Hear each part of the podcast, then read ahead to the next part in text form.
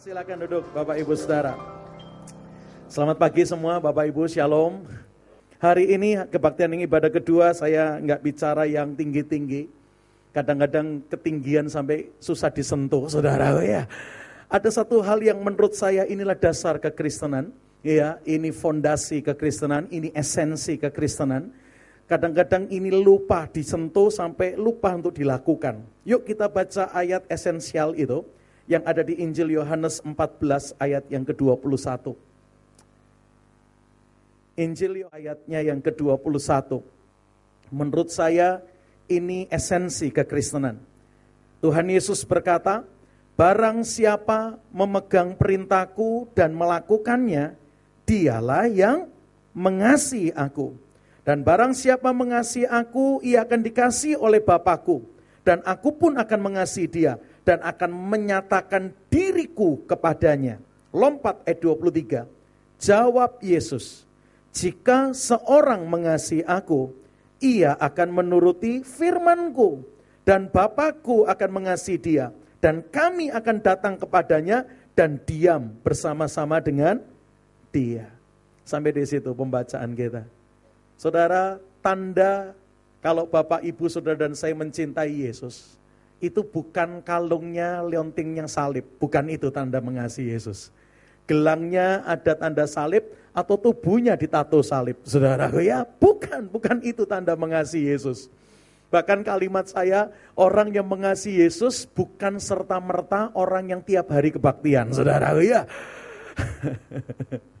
Ada orang yang tiap hari kebaktian bukan cintai Tuhan. Cari klien, saudara ya. Waduh, mau ketemu dan kenalan dengan banyak orang. Bukan salah sih, cuman kurang kena. Makanya orang yang sekedar datang ibadah, belum tentu orang itu mengasihi Tuhan. Orang yang mengasihi Tuhan tidak suka meninggalkan jam-jam ibadahnya. Amin. Tapi nggak bisa dibalik. Yang rajin ibadah pasti mencintai Tuhan. No, karena terbukti beberapa orang datang cari Yesus bukan cari firman, tapi cari roti. Itu nggak asik banget. Kamu datang cari aku, bukan cari tanda-tanda dan firmanku. Tapi kemarin kamu makan roti dan kenyang. Katanya gitu saudaraku. Makanya tanda mencintai Yesus adalah ini. Yaitu saudara dan saya jadi pelaku firmannya. Itu sudah paling betul. Lebih dari model dan aksesoris yang lain. Coba dibaca satu ayat lagi. Amsal 21 ayatnya yang ketiga. Amsal bab atau fatsal yang ke-21, coba baca ayatnya yang ketiga. Begini bunyi firman Tuhan. Melakukan kebenaran dan keadilan lebih dikenan Tuhan daripada korban. Wow, melakukan kebenaran, firmanmu adalah kebenaran. Itu lebih diperkenan Tuhan daripada semua aksesoris kekristenan yang lain. Serius ini. Kita nggak bisa menggantikan cinta kita akan Tuhan, perkenanan Tuhan atas kita dengan aktivitas gereja kita, dengan apa pun sumbangan persembahan kita dan apa pun yang lain. No, saudara. Tapi satu-satunya esensi yang Tuhan mau muncul di dalam kekristenan kita adalah, eh, lakukan firmanku, jadilah pelaku kebenaranku. Karena itu jauh lebih diperkenan Tuhan daripada model aksesoris yang lain. Wah, dan yang gak asiknya gini, firman Tuhan itu punya ciri khas, enak di mulut, pahit di perut, saudara ya. Kalimat itu saya ambil ketika Yohanes dapat gulungan kitab yang tahu-tahu Tuhan berkata, makan gulungan kitab yang isinya firmanku itu. Lalu Yohanes memakannya. Alkitab berkata, Yohanes merasakan di mulutnya firman Allah itu terasa manis. Tapi begitu nyampe perut, pahitnya utubileh, saudara ya. Wah ini ini poin yang kita mau belajar. Menjadi pelaku firman itu ternyata enak cuma untuk diomong, begitu dijalankan, begitu dilakoni, wah bisa teriak enggak kuat loh saudara. Bisa teriak enggak asik gitu. Tapi sekali lagi, inilah esensi kekristenan. Menurut saya, saudara dan saya belum pernah terhitung sebagai Kristen sejati sebelum kita kedapatan jadi pelaku firmannya. Percayalah, Jangan-jangan Kristen kita cuma KTP dan kartu keluarga doang, saudara. Oh ya, namanya Paulus, perbuatannya bulus, saudara. Ya, nggak asik itu. Mari kita, mari kita menjadi Kristen yang sejati dan itu ditandai dengan jadi pelaku firmannya. Yang nggak asik memang Melakukan firman itu bukan hal yang mudah, bukan hal yang gampang. Ada harga yang harus dibayar untuk saudara dan saya jadi pelaku firman. Harga yang harus dibayar adalah melatih ketaatan kita. Mau taat, itu harga yang kita bayar untuk jadi pelaku firman. Saudara, saya punya pengalaman, saya malu mestinya menceritakan ini. Tapi saya tahu kalau ini diceritakan bakal jadi berkat buat banyak orang. Sekaligus membuat orang yang mendengar tidak pernah bakal menilai saya lebih tinggi dari saya yang sesungguhnya. Saya melayani hampir 15 tahun di BSD dari kota Surabaya asalnya. Ya. Ah, 15 tahun yang lalu saya pindah dari Surabaya untuk membuka sebuah komunitas di bumi Serpong Damai dan kami memulai pelayanan di situ. Ya, dan puji Tuhan, Tuhan tambahkan jiwa-jiwa untuk kami mentor, jemaat, keluarga untuk kami uh, muridkan. Dan satu kali setelah kita reaching mereka, discipling mereka, tiba waktunya saya harus sending mereka. Gereja itu ini tiga ini fungsinya. Memenangkan jiwa, mementor, membapai dan memuridkan mereka, dan pada waktunya mesti merilis mereka untuk kepentingan kerajaan sorga. Jadi akhirnya satu rekan kami coba kirim ada yang jadi guru, ada yang jadi misioner, ada yang jadi apa pun ke banyak tempat, saudaraku. Nah, salah satunya jadi misioner ke daerah Sumatera, ke kota yang mayoritas bukan umat Tuhan. Ya, bukan orang Kristen. Dia datang ke sana gara-gara gempa bumi dan dia datang jadi sukarelawan. Ya, dia hadir di banyak acara gempa bumi karena hatinya panggilannya di situ. Ya, dari tsunami Aceh, gempa bumi di Mentawai, di Jogja, bahkan di Padang. Iya, dari sekian tempat yang dia hadir, satu kali dia nongkrong dengan saya dan berkata, Pak Pram, aku kok kepingin berdomisili di Padang. Oh ya, kenapa? Ya, dia bilang, kalau ditanya mengapa susah, tapi roh saya kuat sekali memanggil untuk saya misioner ke sana. Dan setelah kami iring dalam doa, kami bicarakan dengan rekan-rekan di komunitas. Tiga tahun yang lalu kami utus dia berangkat ke Padang. Saudaraku, dia datang ke sana, kita berkati untuk sewa rumah, ya, dan akhirnya nggak lama dia memberitahu saya, Pak Pram, puji Tuhan. Saya sudah dapat kontrakan, saya udah ketemu RT RW Kulonwun, ya, kami permisi jadi warga mereka. Lalu, nah ini Pak Pram, ada pertanyaan yang saya tidak duga, Pak RT dan Pak RW ku tanya ke saya. Kamu itu orang Jawa, datang ke sini mau ngapain? Saya tidak mungkin Pak, mau misi Pak RT. Wah disalib Pak saya Pak saudara. Ya. Saya utusan misi Pak. Waduh ya pasti saya diusir bahkan dibunuh jangan-jangan. Saya tidak mungkin jawab itu. Saya tanya, terus kamu jawab apa? Itu yang saya khotbahkan tadi pagi. Kadang-kadang tidak punya waktu untuk mikir, saudara. Ya, mesti beri pilihan dan keputusan, saudaraku mesti beri jawaban. Dan akhirnya rekan saya ini berkata, saya cuma jawab gini Pak Pram. Pak, saya itu asalnya kan dulu dari kota Jombang, Jawa Timur. Saya punya pengalaman beternak burung puyuh di daerah saya. Dan waktu saya kenal daerah ini waktu gempa yang lalu, saya kok mikir tempat ini cocok untuk peternakan burung puyuh. Makanya saya datang hari ini. Itu Pak Pram yang tahu-tahu saya ucapkan dan saya jawabkan ke Pak RT dan Pak RW yang nanya. Ngapain saya orang Jawa datang ke Padang? Sementara orang Padang kepingin datang ke Jawa, saudara. Iya. Makanya saya jawab itu. Saya cuma lihat daerahnya yang tidak beda jauh dengan asal saya di kota Jombang, Jawa Timur. Dan saya punya pengalaman peternak burung puyuh. Dan saya akhirnya ngomong, saya kok kepingin mencoba beternak burung puyuh. Wah, terus wah saya disambut Pak dengan Pak RT, Pak RW. Oh gitu Pak Joko, monggo Pak, silakan hadir, silakan beternak, tolong ya titip karang taruna kita, saudara ya. Supaya anak muda di daerah kita jangan cerong-terongan dan cabe-cabean, saudara ya. Tapi berkarya sesuatu, tolong ya, baik. Dan akhirnya doakan Pak Pram, karena dorong puyuhnya kan masih on the way nih Pak Saudara. Ya, doakan Pak. Saya Bapak Rohani yang mengutusnya, ngertilah maksud dia apa. Saya bilang baik, kita doa sama-sama ya. Saya tidak janjiin apa pun dengan anak rohani saya ini. Saya diam aja, saya iring, saya kontak, ngapain lo hari ini? Buat apa kamu hari ini? Dan saya suka dengan jawabannya. Lagi ngumpulin kayu-kayu pak. Loh ngapain ngumpulin kayu-kayu? Nyiapin kandang buat burung puyuh. Saya lagi bikin kandang-kandang buat burung puyuh di rumah kontrakan saya. Burung puyuhnya on the way pak. Gitu saudara ya. Itu kalimat nyentuh hati saudara ya. Tapi saya suka, saya nggak nyejin apa-apa. Dia buat sesuatu. Ya sementara belum datang dia buat ini, dia buat itu, keren banget. Dan itu yang membuat saya akhirnya ngobrol dengan rekan-rekan lain di komunitas gereja kita. Dan akhirnya kita urunan ngumpulin dana, dan dana yang terkumpul kita kirim ke dia. Dan puji Tuhan, ternyata dana itu berhasil mengumpulkan 100 ekor burung puyuh. Dan dia memulai, itu Maret Dua tahun yang lalu, ini tahun ketiga dia ada di sana, saudaraku. Waduh, dan dia mulai beternak burung puyuh. Bulan November kita ada acara di Jakarta, dia join, dia datang dan dia melaporkan. Ternyata Maret cuman uh, eh, 100 ekor burung puyuh, sekarang sudah jadi 800 ekor burung puyuh.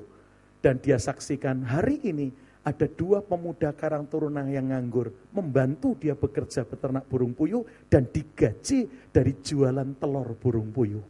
Wah gara-gara November dia ngasih laporan begitu, saya sudah lama tidak makan telur burung puyuh karena itu kolesterol dan asam urat yang tinggi itu saudara. Ya. Akhirnya gara-gara dengar kesaksian anak rohani saya, saya mulai makan lagi. Kalau pulang ke Surabaya makan bakso yang cari ada telur burung puyuhnya saudaraku ya. Aduh, gara-gara anak saya hidup dari telur burung puyuh ini. Akhirnya mulai makan lagi, walaupun saya batasin jangan banyak-banyak gawat, saudaraku ya. Tapi ingat ada utusan misioneri kita yang hidupnya dari jualan telur burung puyuh. Dan puji Tuhan. Nah, dia jalan, dia bergerak dengan luar biasa di sana. Lalu, bulan Juni tahun kemarin, ada rekan-rekan dari misi kita di daerah yang lain datang ke komunitas sharing dengan komunitas kita di BSD, kita baru luar, lepaskan dana untuk memberkati pergerakan mereka. Dan awal Juli, ya awal Juli, datang seorang teman dari satu kota di Jawa Tengah yang pelayanannya juga melayani desa-desa yang tertinggal. Dan kami baru kerahkan dana untuk rekan ini. Jadi gereja kita sangat sangat concern dengan misi yang ada.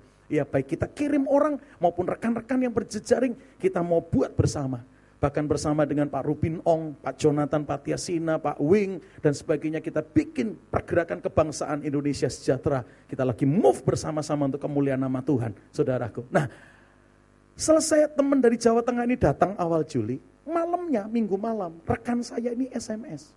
Pak, doain. Tuhan sudah tolong peternakan burung puyuh, saya sudah diterima, bahkan sudah jadi berkat buat beberapa pemuda. Ini Berapa waktu lagi kan lebaran Pak Juli Pak. Saya itu kok terpanggil untuk memberkati keluarga-keluarga miskin di daerah ini. Supaya paling tidak waktu lebaran mereka bisa makan dengan keluarga di hari lebaran mereka yang mereka rayakan. Seperti Pak Pram mengajar kita gereja ada untuk sekitarnya. Kita ada untuk jadi garam dan terang. Saya terpanggil untuk menolong atau memberkati keluarga-keluarga ini Paling tidak waktu lebaran mereka bisa makan dengan keluarganya.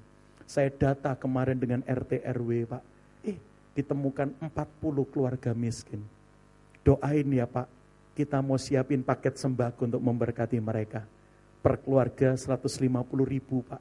Gula, beras, apalagi mie instan, sabun, shampoo atau deterjen dan sebagainya. Pokoknya per keluarga 150. Oh gitu. Enggak lama dia kasih konfirmasi lagi. Setelah didata, wah nambah pak, yang miskin jangan tidak jadi 40 keluarga miskin, 60. 60 keluarga miskin pak, nambah 20 lagi. Waduh saya berguru sama dia, ini loh Indonesia. Kalau dicatat yang miskin enggak ngurang nambah, nambah saudara. Ya. Aduh, kayak bangga jadi orang miskin saudara. Ya. Waduh jadi 60 pak, doain kalau satu keluarga 150 ribu, saya butuh 9 juta. Saya dengar dia cerita, saya tidak janji apa-apa. Saya ingin membiasakan utusan misi kita bukan bergantung sama siapa pun, karena terkutuklah orang yang bergantung sama manusia. Tapi terberkatilah orang yang mengandalkan Tuhan. Jadi saya tidak janji apa pun, saya cuma terus mengikuti. Seperti kemarin waktu awal dia pindah, bagaimana dia memulai dengan burung puyuhnya. Dan kemarin tahun lalu ini dengan dengan hatinya yang ingin rindu memberkati sembako. Dan akhirnya saya tanya, sampai hari ini ngumpul dana berapa di kamu? Dan dia berkata, ini yang mengejutkan saya 5 Juli tahun kemarin malam. Dia berkata, puji Tuhan Pak, dari rekan-rekan yang saya sounding dan tergerak memberkati, hari ini sudah terkumpul 5 juta 850 ribu rupiah Pak. Tinggal 3 jutaan sedikit, 60 keluarga miskin akan dapat paket sembako sebelum hari lebaran. Saya percaya Tuhan akan memenuhi. Amin, saya katakan. Begitu saya dengar laporannya sudah terkumpul hampir 6 juta. Roh Kudus di dalam saya. Gerakkan saya menutup kekurangannya. Udah pram tutup 3 juta 150. Selesaikan sudah. Tapi 5 Juli 2015 malam itu. Ketika Tuhan gerakkan saya menutup. Saya punya sebuah kalimat ini kepada Tuhan. Tuhan, ini rekan baru kita perpanjang kontrakannya Maret kemarin. Untuk masuk tahun kedua di sana. Kami baru ngumpulin dana dan kirim.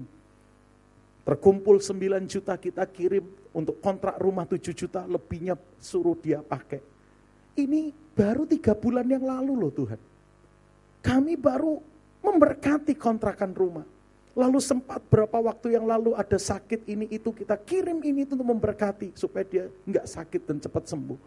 Lah ini sekarang dia punya proyek lebaran. Aduh, komunitas saya minggu lalu baru melepaskan dana untuk sebuah pergerakan Indonesia sejahtera di satu tempat. Hari ini tadi sore baru melepaskan pergerakan rekan lain yang bergerak di Jawa Tengah. Tuhan, minggu depan saya dan keluarga pelayanan ke Taiwan Tuhan.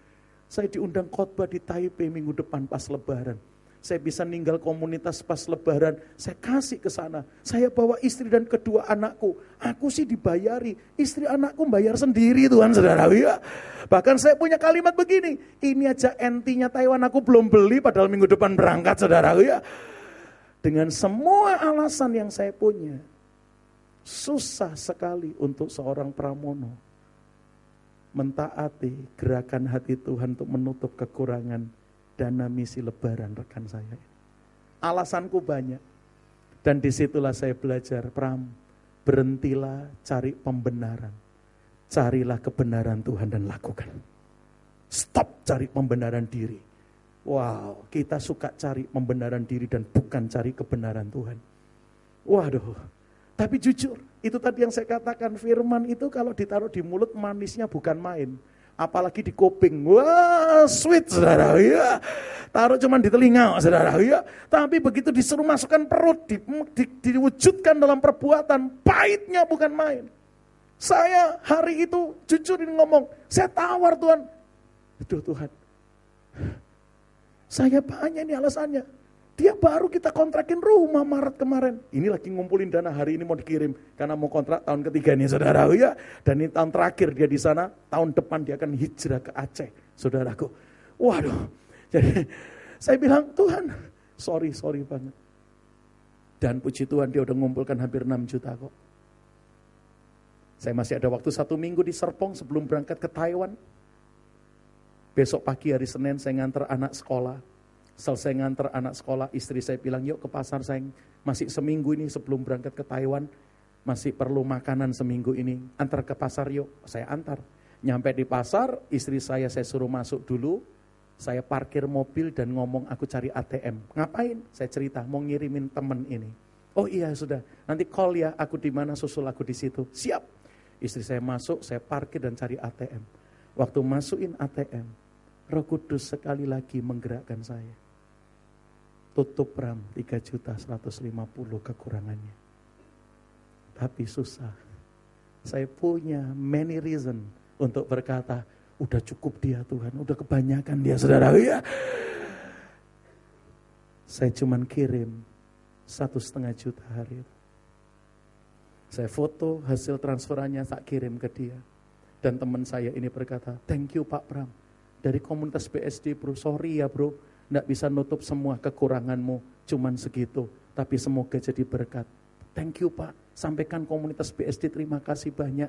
Ya, kalau toh tidak cukup sampai hari hanya paling saya akan kurangi jatah dari 5 kilo beras jadi cuma 4 kilo.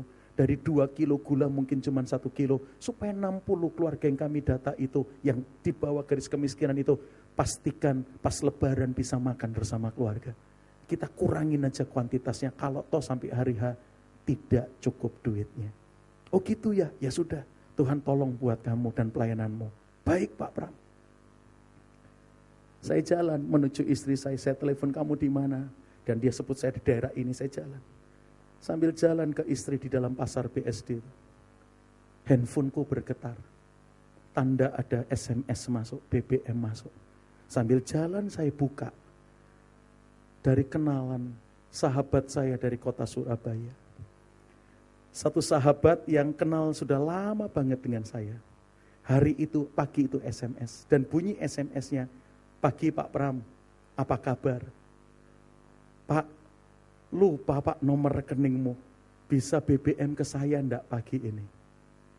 Ini rekan membuat saya berhenti melangkah menuju istri saya. Karena ini rekan yang tidak reguler memberkati saya. Punya regularitas mungkin tiap bulan sekali atau setahun sekali. Enggak, enggak dia bukan orang yang seperti itu. Tapi pengalaman kalau sudah SMS kayak begini, yang dikirim mesti babon ini saudara ya. Yang dikirim ini mesti nominal gede ini.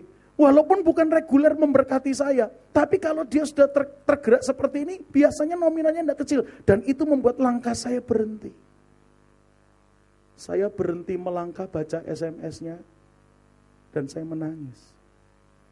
Karena roh kudus di dalam saya bilang begini, nah kamu perlu lihat SMS ini dulu ya, baru bisa taat perintahku. Woi, itu kalimat di hati yang menghentikan langkah saya menuju istri. Kok dia yang SMS? Pengalaman kalau kirim tidak pernah kecil ini orang, walaupun tidak sering. Tapi gede, makanya itu kamu perlu lihat ini dulu Tona, kamu baru bisa taat perintahku. Saya ngomong sama rekan saya, saya dalam kondisi oke okay, bro, Ngapain kok tahu-tahu tanya rekening? Pak Pram, ingin berkatin Anda. Sudah lama tidak berkatin. Hari ini ingin kirim Pak.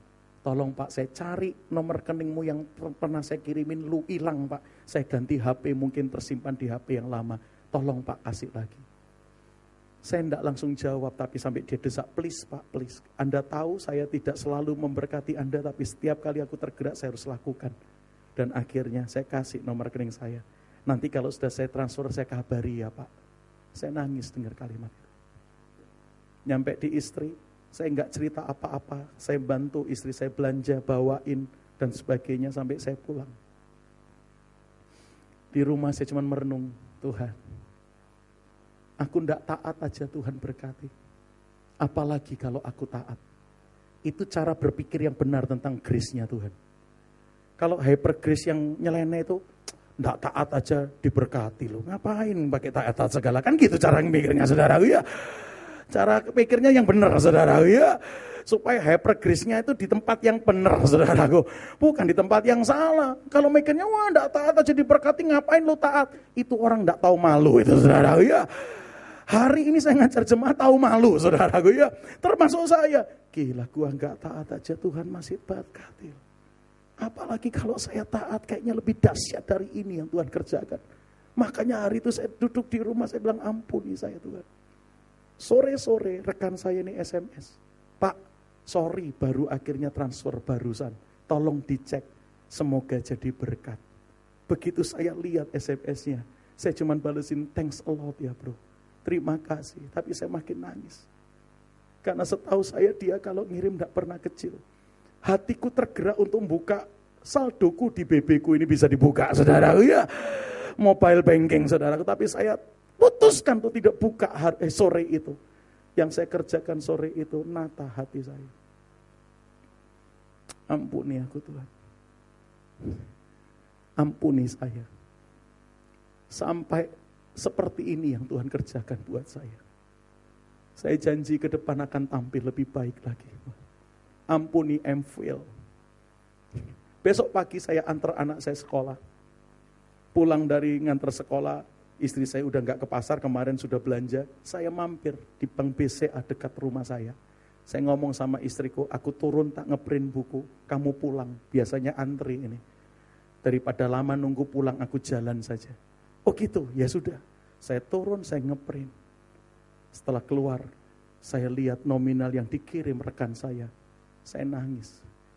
Yang dikirim lebih babon dari biasanya, saudara. Ya, lebih gila dari biasanya. Karena yang dikirim itu mencukupin semua tiket saya ke Taipei pulang pergi bersama anak dan istri saya. Termasuk uang sakunya loh saudara. Ya, itu gila itu yang dikirim rekan saya. Saya nangis lihat-lihat lihat buku yang baru di print itu. Aduh Tuhan, kok seperti ini? Saya belajar menempatkan diri bukan ngalamin grace Tuhan dengan tanpa tanggung jawab. Saya berkata, ini ketidaktaatanku Tuhan. Saya jalan dari BCA ke rumah saya. BBM ku bergetar. Nah ini bergetar nih seperti sekarang ini saudara. Ya. Begitu bergetar saya ambil jalan ke rumah saya buka. Ternyata anak rohani saya di Padang yang SMS. Dan dia berkata, Pak Pram, shalom, dahsyat Pak. Mujizat, mujizat kemuliaan Tuhan tercurah Pak. Wah saya pikir ada apa ini? Saya pikir kemarin dana yang tersedia kurang untuk 60 keluarga miskin dengan paket sembako. Ternyata Tuhan sudah cukupkan Pak. Wah, saya mulai berhenti dengar kesaksiannya di BB. Pak Pram tahu bagaimana Tuhan mencukupkan kekurangan dana yang ada. Pak ingat nggak November yang lalu saya datang ke Jakarta ketemu Pak Pram dan komunitas aku share bahwa selain peternak burung puyuh dan jualan telur puyuh, saya lagi mengembangkan ternak burung lovebird. Lovebird itu burung kecil yang dua-duaan sekurungan bro. Temanku yang baru cerai kayaknya perlu belajar dari lovebird ini, saudara ya. Aduh, saudara ya.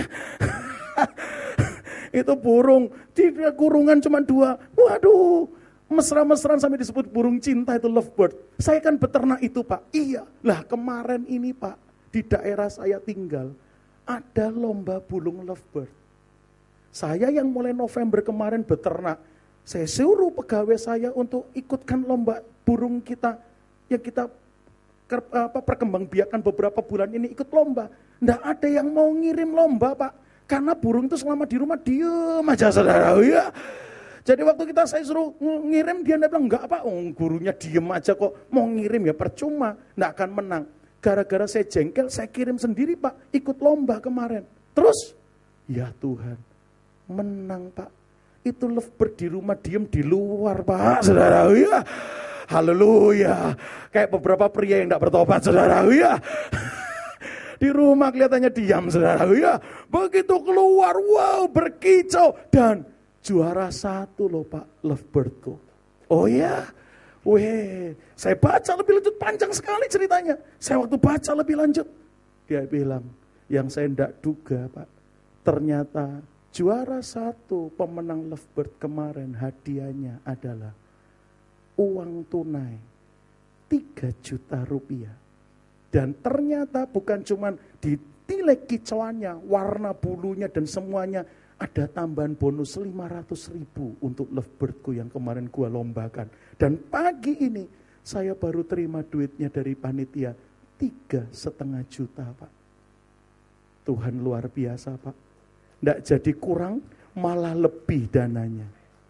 Saudara tepuk tangan, saya yang baca kesaksian di BB ini, aku nangis lebih deras lagi. Tahu kenapa saya nangis lebih deras? Roh Kudus di dalam saya bilang begini. Ini gara-gara kamu kemarin diem, lovebird bergerak. Saudara, ya. Kalau kemarin lu taat nggak perlu ada cerita lovebird beginian, saudara. Ya. Lu diam nak, aku pakai lovebird. Coba lu kemarin taat, nggak perlu ada cerita ini tahu. Saya nangis. Itu mata saya udah keluar dari ngeprint udah nangis. Jalan kena BBM ini nangis. Nyampe rumah mataku bengkak. Istriku yang tidak ngerti apa yang terjadi langsung mengira yang dijamret di mana gitu saudara. Ya. Aduh, di Serpong kan banyak jambretan. Kemarin waktu bom Tamrin di Alam Sutra ada orang di, di apa di dirampok itu habis ngambil dari duit. Sampai ceritanya jadi rame dihubungkan dengan bom Tamrin, saudara. Ya, padahal itu cerita yang berbeda. Lari ke Binus ditembak di situ diambil duitnya. Waduh, jadi istri saya tuh lihat, loh kamu habis kejambretan, kamu habis ditodong orang, hilang berapa? Kamu ngambil, waduh. Saya bilang enggak, enggak. Loh kok nangis? Dipikir kejambretan. Dan pagi itu aku baru cerita apa yang terjadi sejak minggu malam dan kemarin Senin. Waktu saya cerita ke istri. Dan saya tunjukkan ini yang rekan kita. Kirim buat kita. Saya nangis. Satu kalimat yang istriku sampaikan yang menguatkan saya adalah Ibrani 5 ayat 8. Yuk kita baca yuk. Surat Ibrani, fatsalnya yang kelima ayat yang ke-8. Dan sekalipun ia, Yesus kita adalah anak. Ia telah belajar menjadi apa saudara? Menjadi taat dari apa yang telah dideritanya. Yesus kita saja pakai kata belajar menjadi taat. Istri saya bilang berkata, istri saya ngomong gini, yang jangan pernah berhenti belajar untuk menjadi pelaku firman. Kalau toh kamu gagal, ke depan jangan mau gagal lagi. Kalau toh kemarin fail, ke depan mesti belajar untuk punya ketaatan. Dan tidak usah sedih, Yesus yang kita sembaja bukan ditulis dia mahir dalam ketaatan. Enggak dia ditulis, dia pun belajar menjadi taat. Saya langsung ingat peristiwa ketika dia nawar bapaknya untuk menggagalkan Golgota. Dia bilang, Pah, boleh enggak batalkan aku caw, minum cawan anggur yang sebentar kita akan peringati sebagai perjamuan tubuh dan darah Tuhan. Boleh enggak aku batalin, batalkan rencanamu membuat aku minum cawan yang artinya darahku mesti dicurahkan di atas Golgota. Dan peristiwa itu bicara, dia nawar bapak sampai tiga kali dengan doa yang sama. Tapi endingnya keren. Dia belajar mentaati perintah bapaknya. Karena itu esensi kekristenan tahu. Bukan berapa kali khotbah, sudah berapa nyembah kali nyembuhkan orang. Bukan itu esensi kekristenan. Esensi kekristenan bukan besarnya pelayanan yang kita punya, terkenalnya nama kita, padatnya jadwal kita. Bukan itu esensi kekristenan. Esensi kekristenan adalah jadi pelaku firmannya. Karena melakukan kebenaran dan keadilan jauh lebih diperkenan Tuhan dari semua aksesoris yang lain. Amin saudaraku.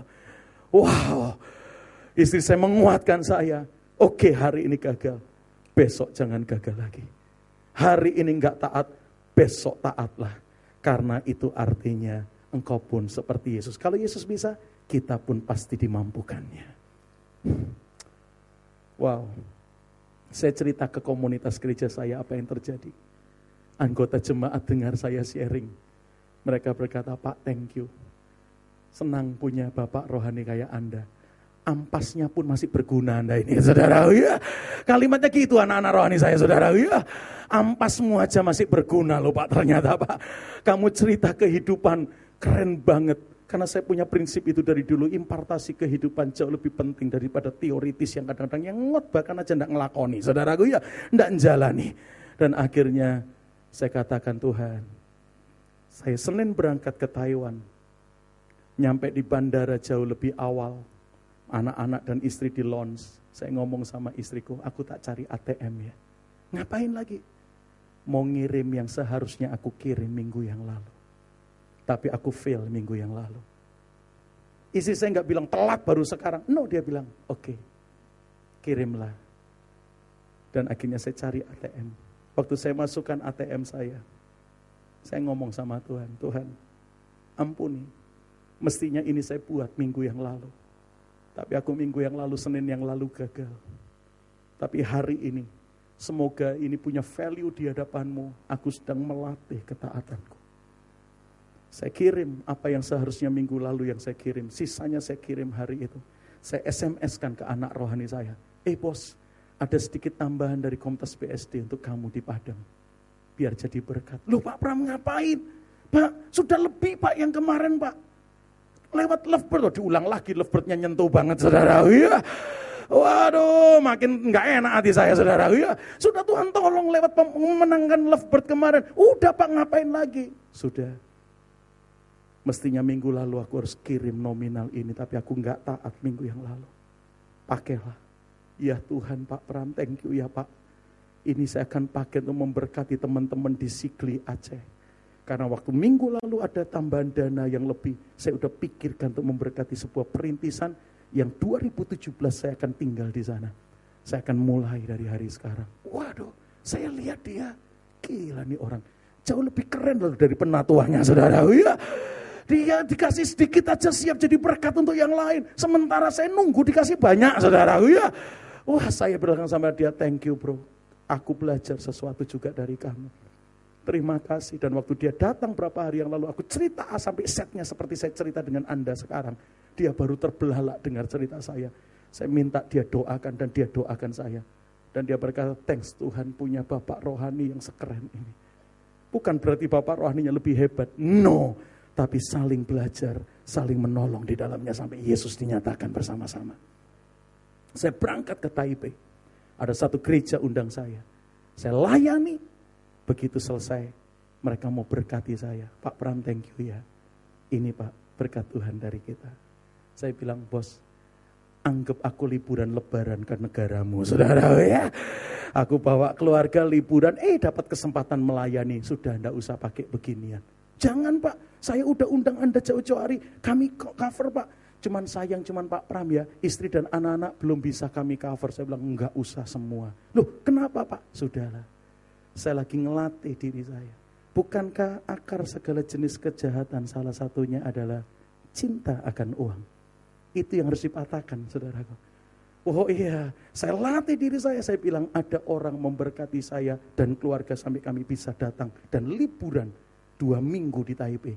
Saya katakan, sudah anggap ini liburan, eh dapat kesempatan pelayanan di gerejamu. Saya cerita itu sama dia. Dia bilang, ah Tuhan. Itu yang membuat dia sungkan ninggal saya. Dua minggu dibarengin terus keliling seluruh Taiwan, saudara. Oh, iya. Waduh kalau dia tidak bisa, dia suruh jemaatnya barengin saya, saudaraku. Wah, tapi lihat, saya lagi ngelatih, saudara pikir gampang taat. Enak di kuping, enak di mulut, di perut pahit loh saudara. Ya. Tapi menurut saya inilah esensi kekristenan. Enggak bisa digantikan dengan macam-macam persembahan, macam-macam aksesoris yang lain. Kecuali jadi pelaku firman. Amin. Dan yang saya belajar, dua ayat terakhir. Lukas 11 ayat 28 berkata, menjadi pelaku firman itu yang membuat Anda dan saya punya true happiness di dalam kehidupan ini. Karena Lukas 11 ayat 28 berkata, yang berbahagia adalah mereka yang setelah mendengar firman dan perintahku lalu memeliharanya.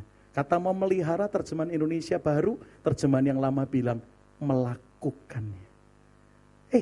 Menjadi pelaku firman bukan cuma pendengar saja. Itu true happiness. Jadi siapa yang hari ini pegang duit, punya duit tapi tidak bahagia, mungkin belum jadi pelaku firman saudara. Ya. Loh iya loh, padahal pegang uang, punya uang, punya kedudukan, punya karir, tapi tidak punya jauh dari true happiness. Mungkin kurang yang satu ini. Anda Kristen aksesoris. Anda bukan Kristen esensi, yaitu jadi pelaku firman. Karena yang berbahagia adalah mereka yang mendengar dan yang melakukan firmannya. Dan satu lagi, Matius 7 ayat 24 berkata, Matius 7 ayat 24, saudara pasti kenal ayat itu. Tapi poinnya, tekanannya gini. Siapa yang mendengar firmanku dan yang melakukannya? Ia sama orang yang membangun rumahnya di atas batu karang yang teguh. Datang hujan, datang badai, datang banjir. Tapi tidak pernah merobohkan rumah yang dibangunnya. Karena dibangun di atas dasar yang teguh. Jadi, orang yang jadi pelaku firman, apa pun yang dibangun tidak mudah hancur tidak mudah rontok. Kalau bapak ibu saudara bangun apa pun mudah rusak, mudah hancur. Coba cek, jangan-jangan belum jadi pelaku firman. Orang yang membangun pelayanannya sesuai firman, membangun pernikahannya sesuai firman, mendang mengun imannya, karirnya, sekolahnya sesuai firman. Apa pun yang dibangun, datang badai, datang banjir, datang hujan, tidak pernah bisa merontokkannya. Tough, tangguh, tahan banting. Apa? Fondasinya keren. Wow, fondasinya keren gara-gara jadi pelaku firman itu esensinya. Jadi hari ini membangun pelayanan rusak, bangun rumah tangga cerai, didik anak mursal anaknya saudara ya.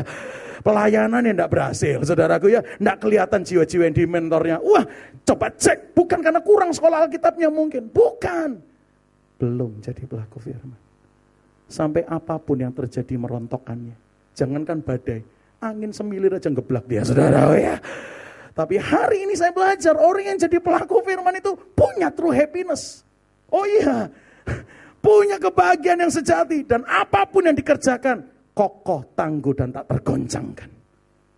Kalau mau tahu, kalau mau tahun ini 2016 apa pun yang Anda bangun kokoh dan tak tergoncangkan, pastikan Anda dan saya jadi pelaku firman. Inilah esensi kekristenan. Haleluya. Sambil bangkit berdiri pelan-pelan yuk. Kita akan masuk di perjamuan tubuh dan darah Tuhan. Lihat ini, ingat Yesus belajar menjadi taat. Dia belajar, dia nggak ditulis mahir menjadi taat. No, dia belajar.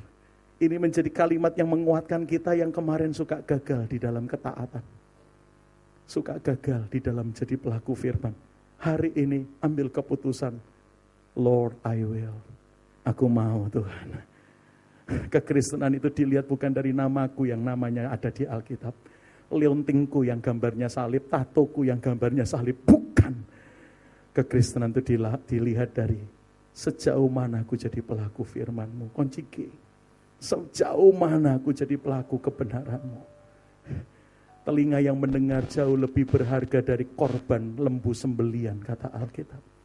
Yuk, yuk hari ini, jangan-jangan ini loh yang lupa kita kerjakan. Dalam rumah tangga kita, pelayanan kita, studi kita, pacaran kita, karir kita. Lupa jadi pelaku firman. Bukan tidak ngerti, ngerti cuma tidak berani melakukan, saudara ya. Saya nyampaikan esensi kekristenan yang sederhana. Saya nggak bicara yang tinggi-tinggi, tapi saya takut justru yang sederhana, yang sederhana, yang esensi ini malah kita nggak lakukan. Sampai akhirnya kita nggak punya true happiness. Apa pun yang kita bangun gampang rusak. Tahun ini biar menjadi tahun kekokohan Tuhan terjadi atas kita, ketangguhan Tuhan terjadi atas kita. Saya percaya Tuhan lagi bicara sesuatu buat Anda. Soal pacaranmu, soal pernikahanmu, soal cari nyari uangmu, bangun karirmu, soal pelayananmu, soal imanmu. Tuhan mungkin bicara sesuatu hari ini. Dia ngasih contoh. Apa yang kita akan kerjakan lewat tubuh dan darahnya hasil pelajar taat dengan Bapaknya di sorga.